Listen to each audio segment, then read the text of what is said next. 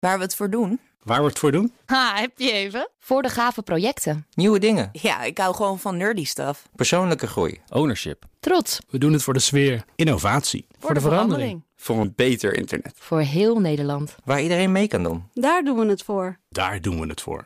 Waar doe jij het voor? Kom werken voor KPN en groei op jouw manier. Check de actuele vacatures op het gebied van data, security, development en networking op jobs.kpn.com/tech. BNR Digitaal wordt mede mogelijk gemaakt door SecureLink. SecureLink. Safely enabling business. BNR Nieuwsradio. BNR Digitaal. Herbert Blankenstein. Welkom bij BNR Digitaal. De eSIM, een digitale simkaart, is sinds kort beschikbaar in Nederland. Je kunt er eenvoudig een tweede nummer mee op je smartphone zetten. Maar met die eSIM blijkt volgens onderzoek van RTL relatief eenvoudig te knoeien. Nu hebben we nieuwsaanbieder T-Mobile laat weten dat klanten vanaf morgen uitsluitend nog een eSIM kunnen activeren via twee-factor authenticatie per sms. Nou, als je te veel nieuwe woorden hoort nu, dan uh, we gaan het uitleggen met behulp van Dave Maasland. Welkom. Goedendag. Directeur van beveiligingsbedrijf IZ Nederland. En ook hier is voor straks Edwin Rijkaard van Capelle, bedenker van buienradar.nl. Ook welkom. Uh, Dave, eerst maar even uitleggen, zo'n eSIM, um, wat is dat voor een ding? Hoe werkt dat? Nou, eigenlijk zei het al, het is een digitale simkaart. Dus waar we normaal zeg maar uh, alle informatie over bij welke provider je zit, je 06-nummer op een fysiek kaartje zit, is dat nu eigenlijk in een chip ingebouwd in het apparaat zelf. Dus het is vele malen kleiner en het uh, ja, hele slimme eraan is, je hoeft dus niet meer fysiek iets te wisselen om een ander 06-nummer te hebben of een andere dienst af te nemen. Het wordt allemaal niet meer open. Niet meer open. Hij wordt, ja. ja het is digitaal te registreren. En uh, er zijn nog maar weinig telefoons die daar geschikt voor zijn. Alleen nog maar een paar iPhones, dacht ik. Ja, met name Apple was daar vrij vroeg in. Volgens mij de iPhone XS, de eerste die echt met volledige ondersteuning voor, uh, voor eSIM. En daarbij dus mogelijk maken dat je verschillende uh, nummers ook op één telefoon kan doen. Misschien wel de, voor de luisteraar de, de, de beste gebruiksscenario van eSIM is een zakelijk en privé nummer op één telefoon kunnen hebben. En dat is ook als je naar het buitenland gaat en daar dus een lokale simkaart koopt, kan je dus gewoon bellen via die lokale simkaart, maar wel gewoon bereikbaar zijn via een normale simkaart. En dat is best wel handig. Ja, kun je dan ook heel veel nummers hebben? Want uh, ik, in mijn telefoon passen er twee van die simkaarten, fysieke simkaarten. Is dat bij eSIM anders? Nou, de technologie biedt mogelijkheden voor meer. Um, ik denk wel dat heel veel apps moeten ook andere dingen gaan ondersteunen, verschillende nummers. Dus ik weet nu dat bij de meeste apps eigenlijk maar ondersteuning is als die er al is voor twee verschillende nummers. Maar de techniek zou in staat stellen om eigenlijk ja, veel meer nummers, ja. uh, diensten te hebben. Oké, okay, um, dus uh, nu blijk je uh, alleen al met een, met een wachtwoord heel makkelijk. Als je iemand anders een wachtwoord hebt, blijk je ook het nummer van die andere te kunnen overnemen. Hoe werkt dat? Nou, ik denk dat is heel interessant. Uh, Daniel Verlaan van, van RTL Nieuws heeft eigenlijk gekeken bij een collega door enkel in te kunnen loggen op een T-Mobile platform, eh, door het scannen van een QR-code, kan je eigenlijk eh, ja, zo'n simkaart activeren op jouw telefoon. Dus waar in dit geval uh, het T-Mobile van uit is gegaan, is als jij inlogt op ons T-Mobile platform, dan ben jij ook wie je zegt dat je bent. Ja. En ja, we weten helaas allemaal dat ja, gebruikers ook voor dat soort platformen, ondanks heel belangrijk, ja, niet altijd sterke goede wachtwoorden gebruiken. En dus met enkel een goed wachtwoord en gebruiksnaam in kunnen loggen. En ja. zo het 06-nummer over kunnen nemen. En je kunt dan bijvoorbeeld uh, een mailtje sturen. Ik kan jou een mailtje sturen, zeggen uh, waarin staat: Dit is T-Mobile. En log eventjes in. En zo kun je iemand zijn wachtwoord uh, ontfutselen. En dan die truc uithalen die. Uh, die uh, Daniel Verlaan heeft gedemonstreerd. Ja, eigenlijk uh, phishing, social engineering. Want even voor de duidelijkheid, het is dus niet per se zo dat de eSIM als technologie minder veilig is. Sterker nog, je kan niet zomaar meer een SIM-kaart uit een gestolen telefoon pakken en een andere erin stoppen. Het heeft eigenlijk wel veilige componenten, maar het proces eromheen, dat was op deze manier niet goed. En ja, inderdaad, een wachtwoord ontfutselen via de bekende manieren zoals phishing, ja, dat zou natuurlijk goed tot de mogelijkheden kunnen behoren. Ja, um, en nu heeft T-Mobile ons dus laten weten, ze gaan dat activeren van zo'n eSIM alleen nog uh, doen met twee-factor authenticatie. Um, dat betekent dus dat er een of andere verificatie nog extra vereist is. Ja, klopt. Voor zover ik het begrepen heb, wat je, als je nu de QR-code zou willen scannen, die wordt pas uh, beschikbaar, die QR-code, nadat je een code hebt ontvangen op je oude fysieke simkaart, op je 06 dus. Die code invoert, daarmee extra bevestigt, hé, hey, ik ben het en ik heb de oude simkaart in bezit. En ik wil hem echt overzetten naar de, naar de nieuwe simkaart.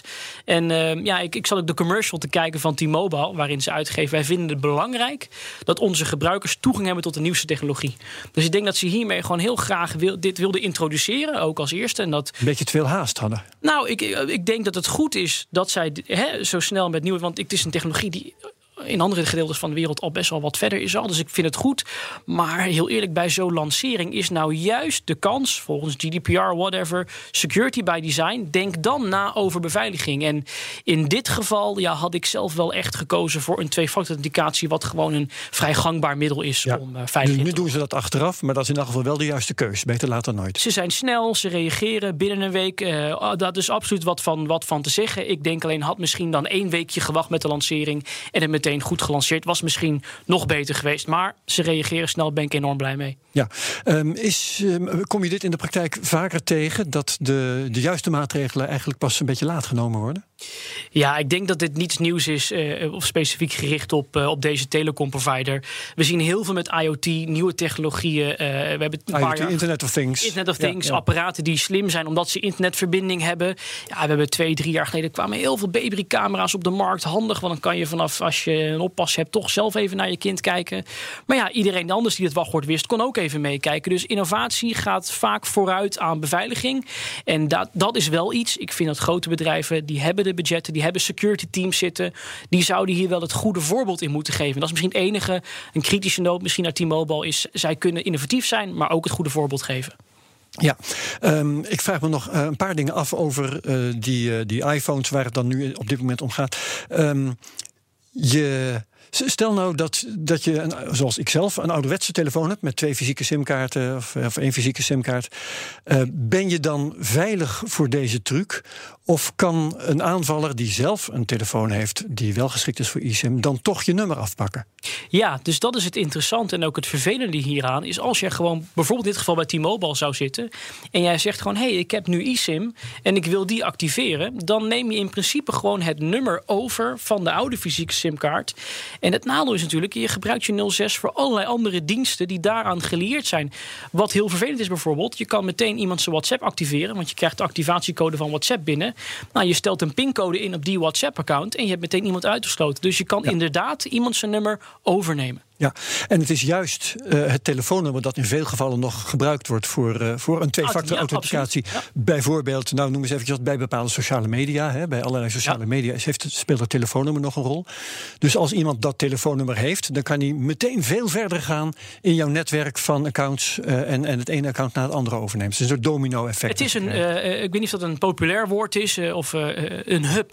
Je telefoon is gewoon een hub waar veel andere dingen op binnenkomen. Authenticatiecodes, manieren om zelf te verifiëren. Eh, ehm, het is ook gelinkt aan allerlei andere diensten. eh, door voicemail, hè, bij WhatsApp en Facebook. Op het moment dat je eh, niet je sms'je leeft, wordt het ook ingesproken op je voicemail. Kan je eventueel ook op inloggen. Zo. Dus het is echt wel een centraal punt in je digitale leven. En daarom moet hier gewoon wel goed over nagedacht worden. Ja, en eh, nu wordt het eh, door T-Mobile eh, dichtgetimmerd. Ehm, hoe zit het eigenlijk? Want ik eh, hoor ook veel berichten vanuit de Verenigde Staten bijvoorbeeld... dat het daar heel makkelijk is om zo'n gewone SIM over te nemen. Gewoon door een provider te bellen en zeggen van... nou ja, eh, iemand zegt ik ben eh, meneer Blankenstein... en ik wil eigenlijk dat mijn telefoonnummer wordt overgezet naar een andere simkaart. En ik weet toevallig mijn eh, geboortedatum en ik weet mijn postcode... Kom maar hier met dat nummer. Zo worden veel eh, telefoonnummers overgenomen. Onder andere laatst bij de Ja. baas van Twitter. En je lacht Ja. al, je weet precies waar ik het over heb. Ja, ja, Ja. Is dat in Nederland goed dichtgetimmerd of niet? Nee, ik denk eh, dat we ook daar echt nog verbeterslagen te maken hebben. Volgens mij dezelfde eh, Daniel Vlaan heeft ook aangetoond dat met vrij simpele eh, methoden, gewoon informatie op publiek beschikbaar is, je leeftijd, je geboorte, geboortedatum, je inderdaad SIM-swapping, wat gewoon verregaande gevolgen kan hebben. Zoals bijvoorbeeld met een prominent iemand zien als, als Jack, CEO van, van Twitter. En ik denk ook op dit moment is dat nog het grote risico. Jack Dorsey was zijn Ja. Jack Dorsey. ja, maar het interessante is dus dat dit, hoe innovatie gewoon werkt, is het, het, het risico, het dreigingslandschap verandert. Dus het, wordt, het blijft interessant. We moeten medewerkers in callcenters trainen. Maar dit maakt het wel heel makkelijk. Eh, heel kort nog, de hotspot-functie dus van T-Mobile maakt het dus ook mogelijk. Dan heb je een IP-adres. En als iemand anders dan op gebruik maakt van jouw hotspot... joh, ik wil even mijn internet delen, Herbert. Ehm, automatisch heb je hetzelfde IP-adres. En werd je dus automatisch ook ingelogd op je T-Mobile-account. Vanuit Oeps. gebruiksgemak. Dus kan je ook die simkaart overnemen. Nou goed, ja. ehm, gebruiksgemak is supergoed. Maar we moeten hier gewoon over na gaan denken. Ja, um, die eSIM die wordt uh, nou, over de hele wereld uh, zo langzamerhand uh, uitgerold. Hè? Hoe gaan andere landen hiermee om? Providers in andere landen, heb je daar kennis van? Nou, ik heb enigszins onderzoek gedaan en ik begrijp dat de meeste providers eigenlijk allemaal werken met een tweede laag ertussen. Dat QR-code is wel een veelgebruikte manier, maar eigenlijk pas verstuurd wordt via e-mail nadat je op het portaal hebt ingelogd. En dat eigenlijk nog via een ander kanaal. Dus eigenlijk hoe twee-factor authenticatie het beste werkt. Informatie via twee verschillende kanalen binnenkrijgen. Dat is hoe de meeste providers doen. En ik denk dat dat ook op, op termijn op deze manier ook uh, voor nu een goede tussenoplossing zou, uh, zou zijn. Oké, okay, dus uh, je ziet het eigenlijk wel goed komen na deze valse start. eSIM is eigenlijk heel cool. De, de toepassingen zijn groot, dus laten we vooral uh, positief blijven. Maar het proces eromheen, daar moet, wel, uh, moet gewoon goed over nagedacht worden. Oké, okay, dankjewel. Dave Maasland, blijf erbij van. Ja. Uh, je blaast je barbecue af omdat de neerslagradar een stortbui verwacht. En dan blijft het droog. Dat kan toch niet? Neerslagraders kunnen veel beter. Dat straks in BNR Digitaal. BNR Nieuwsradio. BNR Digitaal. En welkom terug weer bij BNR Digitaal. Twee jaar geleden installeerde het KNMI twee nieuwe radarinstallaties die nog nauwkeuriger data over neerslag kunnen verzamelen. Toch zitten de neerslagradars er vaak nog altijd naast. Terwijl dat helemaal niet nodig is, gaan we horen van Edwin Rijkaard van Capellen, bedenker van buienradar.nl en nu maker van de site weer.nl, waarbij je de E's vervangt door, door drieën. Drietjes, ja. Ja, uh, Dave Maasland van IZ Nederland is er ook nog bij. Ja. Edwin, um, ik heb het heel veel gesignaleerd en ik heb me er ook suf over getwitterd. Sommige mensen werden daar een beetje gallies van. Um, het, de buienradar meldt dat het regent en het regent helemaal niet. Ja, ja. Uh, Hoe komt dat? Nou, er zijn een aantal oorzaken uh, die. Die, die, die daarvoor zorgen. twee jaar geleden zijn de radars verbeterd. Uh, er is één radar is verplaatst van uh, de beeld naar Herwijnen. Dat ligt uh, bij Tiel in de buurt. Ja. de radars die zijn vele malen scherper geworden. maar we zijn gewoon de oude radargrid blijven gebruiken. Dus we laten nog steeds de radar zien zoals die eigenlijk vanuit de beeld en Den Helder, want daar staat die andere. Uh, zoals die radarbeelden daar vandaan komen. En ik vergelijk het altijd maar met... Uh, je, je koopt bij, uh, bij de televisiewinkel een hele mooie dure HD-televisie. En dan kom je thuis en dan sluit je hem analoog aan. En dan ga je vervolgens klagen over dat de beeldkwaliteit nog steeds niet goed is. En dat hebben we in feite gedaan. Dus op dit moment zou de buienradar en al die andere diensten... want buienradar is dan een beetje de gebeten hond... maar we hebben buienalarm en weerplaza. Ja, er zijn heel veel. Uh... Weer online. Um, die zouden nauwkeurige gegevens kunnen presenteren... Ja. Ja. maar ze doen het niet. Nee, ik had uh, gister, gisteren nog een, uh, een plaatje gemaakt... en op Twitter gezet van de vier grote weeraanbieders... van, van Meteo Group, Buienradar, Weer Online en Weerplaza... Gisteren viel er lichte regen. Ik woon zelf in Arnhem. Dus ik heb buiten ook geconstateerd dat het ook echt viel. Uh, maar er was maar één partij uh, weerplaats in dit geval die het ook daadwerkelijk liet zien. En de rest gaf aan dat het droog was. Dus als je de actuele situatie al niet kunt laten zien. Hè. Dat is gewoon wat je ziet is wat je get. Ja, gaat dan kun je ook, dan kun je ook geen, uh, geen weersverwachting uh, maken. En die nieuwe radars die kunnen prima die, uh, die lichte neerslag laten zien. alleen ja, de, ze gebruiken nog steeds de instellingen van, ik meen 2009 of 2010, toen ook de radars vervangen zijn.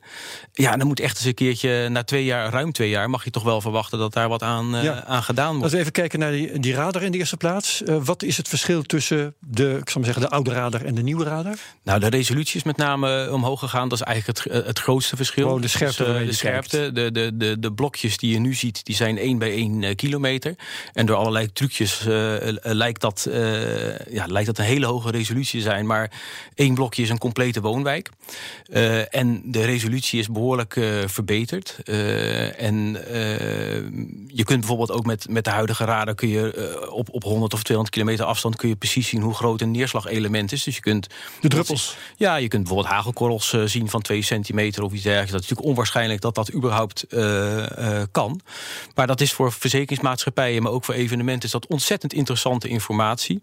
De weerbedrijven mochten zelf jaren geleden... toen, toen had ik, was ik nog eigenaar van Buienradar... mochten wij meepraten over welke nieuwe radars we wilden aanschaffen. Het KNMI betaalt en wij mogen zeggen wat ze mogen kopen. En vervolgens staan die dingen er. En uh, ja, dan doen we er niks mee. Het gaat hartstikke veel belastinggeld uh, in. Ik vraag me ook altijd af wat, wat de politiek en dergelijke daarvan uh, van vindt. Nou, ik vraag me af waarom ze dat niet doen. Vertel dat dus. Uh, nou, ik denk dat ze daar. Uh, het is ook gewoon een stukje gemak. Het is uh, omgerekend naar de oude grid. Ze er nieuwe, nieuwe software voor maken? Of nee, zo? je hoeft daar geen nieuwe software voor te maken. Het, het, is gewoon overgegaan op de nieuwe radar. Ik begreep van het KNMI dat die oude zelfs één dag voordat ze over wilden gaan kapot ging in Den Helder, ging de motor van kapot. Dus ze zijn één dag eerder overgegaan. Het is gewoon een stukje gemak. Uh, wij zijn in, in de weerbranche gewend dat het KNMI alle producten voorkoudt. Dus uh, je hoeft alleen maar bij het KNMI uh, die producten te downloaden. En dat zet je op internet. En het is goed geld verdienen. En dat zijn wij zo gewend met z'n allen. En ik denk dat, dat er ook een taak ligt bij die weerbedrijven om gewoon te innoveren. En gewoon ook zelf van de ruwe data. Want de data is gewoon beschikbaar. Je kunt het gewoon maken. Het zijn dus gewoon data die ze niet gebruiken. Ja, het is, de data is dus gewoon beschikbaar, maar dat uh, wordt iedere vijf minuten wordt dat klaargezet voor niemand. Want uh, ja, dat, uh, daar wordt verder niks mee gedaan. iedereen hangt aan het infuus van het KNMI en die, ja. die, die, die, die, die kouwen die producten voor. Er zijn verder wel bepaalde verschillen tussen die weerdiensten die we nu een paar keer hebben genoemd, onderling. sommige lijken op elkaar, andere doen eigenlijk hele andere voorspellingen. Volgens mij zijn de voorspellingen van buien radar en buien alarm behoorlijk verschillend. Ja, zijn onderling. Andere, Waar zit dat model. in? Ja, ze gebruiken allemaal hun eigen model. Dat is natuurlijk ook een beetje hun uh, unique selling point. Hè. Dat, uh, ze, ze, hebben allemaal hun eigen model. En ze vinden natuurlijk allemaal dat hun eigen model het beste is. En uh, wat ik op dit moment wel mis, is dat eigenlijk iedereen niet meer het, het, het neerslagradarmodel van het KNMI gebruikt ook gratis beschikbaar. Kun je, kan iedereen zo van, van internet afhalen. Is dat dan het beste? Ja, dat, nou ja, ik vind dat dat het beste doorontwikkelde model is op dit moment wat je kunt, uh, wat je kunt krijgen. Daar zit geen enkel commercieel belang uh, ja. uh, achter. Dat, dat wordt, telkens wordt dat doorontwikkeld. En gebruikt het KNMI zelf dan eigenlijk die nieuwe ja, die radargegevens? Nee, die, nou, die, ja, ja die, gebruiken, die gebruiken zeker die, die, die gegevens. Dus eigenlijk kun je dus daar het, beste terecht voor je, ja, voor je buienradar. Ja, het KNMI die, die, die heeft die ruwe data beschikbaar. Die hebben ze ook in hun weerkamer uh, uh, hebben ze die, die, die, die, die, die, beschikbaar. Alleen, en die is voor iedereen gratis beschikbaar. Ja, het, is, uh, het, is, het valt onder open data. En uh, het idee van open data is juist dat er heel veel, eh, dat dat heel veel innovaties uitlokt. Alle data die de overheid maakt, dat valt onder open data. Nou, dat is in dit geval, ja, lukt dat blijkbaar niet, want we doen er niks Niemand, Dus is een open uitnodiging eigenlijk aan innovatieve bedrijven om er wel wat mee te doen. Ja, om, uh, om gewoon eens ja. te kijken naar wat voor informatie je eruit kunt halen. Ik ben zelf. Er kan gewoon nu een nieuwe buienradar opstaan ja. die zegt, ja. onder een andere naam dan natuurlijk, die zegt van wij gaan die complete nieuwe radardata uh, gaan we gebruiken en daar een leuk model op loslaten. En dan heb je hier betere voorspellingen. Ja, ik gebruik de data zelf ook. Ik, uh, ik ontwikkel veel voor, voor evenementen en verzekeringsmaatschappijen. Dus ik gebruik daarvoor de ruwe data. Die zijn bijvoorbeeld ontzettend geïnteresseerd in hagelstenen die naar beneden vallen. Maar er zijn op dit moment geen ehm, websites, weerplaatsen overigens, die gebruikt ook wel steeds meer die, die, die, die ruwe data. Dus daar zie je ook echt wel de, de fijne regen en zo zie je daar veel beter in, in terug. Maar uh, er zijn. Uh, ja, het, het, is gewoon zonde. Die dingen die staan daar. Dat heeft heel veel uh, belastinggeld gekost. En ja, het is zonde om het niet te gebruiken. Ja, um, waar, wat ik mij over verbaas, dat is dat verschillende van die diensten ook weer. Um, voorspellingen, of ja, je moet zeggen verwachtingen. Hè, de voorspellingen mag je niet echt zeggen. Verwachtingen geven voor de neerslag per uur. Ja. En dat zelfs de, dat is voor de één dag vooruit uh, is dat eigenlijk, raakt dat eigenlijk al kant nog wel. Maar zelfs voor dagen, tien dagen en verder vooruit. Ja, Waarom doen ze dat? We verwachten er veel te veel van. Hè? En uh, toen de mobiele telefoon uh, opkwam, Buienraden was de eerste die een, überhaupt een app had. Dus niet, niet een weer-app, maar wij waren de allereerste die een iPhone-app hadden ontwikkeld. En die ontwikkeling is zo snel gegaan. Op een gegeven moment ontdekten we van hé, hey, dat is wel interessant. Dan kun je dat, dat ding laten trillen als het dan ineens gaat regenen. Maar dat heeft nooit gewerkt. Nederland is een postzegel op de aardbol. En dan komt er een, uh, als, als er een bui van de Noordzee aankomt. Ja, je kunt een klein beetje voorspellen van nou, het komt in de ochtend of zoiets. Maar wij willen weten uh, of het gaat regenen om vijf over twaalf op de hoek van de Kerkstraat ja. met de Bakkerstraat. En dat, dat kan niet. Dat is uh, hoe vaak ik daar wel niet mail over heb gehad. Ja, ik ga om tien uur trouwen. is, het, is het dan droog in Utrecht? Ja, ja. Ik, zou, ik zou het niet weten. Ik bedoel, nee. da, da, maar vertel mij dan eens. veel te veel van. Jij zegt er zijn data die zijn nauwkeuriger dan ze voorheen waren. Niemand gebruikt ze. Hoe nauwkeurig kan het eigenlijk wel worden op dit moment? Nou, als je, als je uh, die, die nauwkeurigere data gebruikt, die hoge resolutie uh, data, en als je dat nou als uitgangspunt gebruikt voor je modellen om daar een weersverwachting voor te maken, dan wordt het sowieso al nauwkeuriger. En net wat ik zei, dat voorbeeld van, van gisteren, waarbij de mensen dan gewoon ja, niet zien dat het regent in, nou, in dit geval in, in Arnhem, ja, dan kun je dus ook niet zeggen dat, dat die regen trekt van Arnhem richting de achterhoek. En dan kun je daar ook niks over zeggen. Dus het begint gewoon met met het gebruik maken van, uh, van de juiste actuele informatie. En uh, als je dat uh, op orde hebt, ja, dan kun je het dan kun je natuurlijk automatisch ook betere uh, weersverwachting maken. Maar we zullen altijd, de atmosfeer blijft een uh, zeer, zeer onvoorspelbaar. En zo te horen, vind jij het moeilijk om dat in een getal uit te drukken? Want... Ja, dat is, dat is lastig om dat in een getal uit te drukken. Bij uh, apps als Flitsmeister maken ze heel erg gebruik van de community om door te geven waar ja. flitsers staan. Ja. Gaat dat ook gebeuren in de weerbranche? Goed plan. Nou, dat, dat gebeurt al heel veel in de weerbranche. Er zijn bijvoorbeeld heel veel weeramateurs die, die, die een, een, weerstation in de tuin hebben staan. je kunt auto's tegenwoordig gebruiken. Dat zijn ook rijdende weerstations. Ik ben zelf bezig met een project om weersinformatie uit vliegtuigen en zo op te halen. Maar ja, dat, dat, is een, dat geeft een hele slechte resolutie. En als je dat. de, de, de, je, je kunt daar niet zo'n grote dekking mee krijgen als dat de radar of een satelliet dat, dat kan. Dus het, het kan als aanvulling worden gebruikt. Het is wel heel interessant wat Dave zegt. Want door me hiermee bezig te houden heb ik ontdekt dat er een site is, laat ik die meteen even noemen, wonderground.com. Ja, Wonderground, ja. En die heeft weerdata, die komen van allerlei weeramateurs die bepaalde apparatuur hebben. In mijn eigen dorp, want een dorp is van 2500 zielen, alleen al drie van dat soort stations. Dus ik hoef niet meer naar buiten te kijken om te zien of het regent. Nee, nee ja, maar je buurman weet het, ja. Maar je auto is ook een, uh, een, een, auto heeft een zeer nauwkeurige thermometer. Hè, ja. Om te voorspellen of er, uh, ja. of de gladheid uh, is buiten. dat ding heeft een regensensor. Je, je, weet precies waar die auto rijdt. Dus het is gewoon een rijdend weerstation. Als je daar informatie uit kunt halen. Je hebt dat BMW Connect, heet dat volgens mij. Daar kun je ontzettend veel informatie ja. uithalen. En daarmee kun je de radar beter valideren. Dat als er bijvoorbeeld valse echo's zijn op de radar, dat je dan met een, nou, een auto of een grondstation kunt zeggen van nou, er, is waarheid. Er, komt, er komt niks op de grond of er komt wel wat op. Nog even heel kort tot slot. Um, we horen van alles over modellen die zo vreselijk goed zijn tegenwoordig. Gaat in de meteorologie kunstmatige intelligentie nog helpen om de voorspellingen beter te maken? Nou, ik ben zelf bezig met het verzamelen van data om te kijken hoe wolken reageren boven het land en en boven het water. Dan, daar reageren ze anders. En daar probeer ik wat modellen op, op, op los te laten.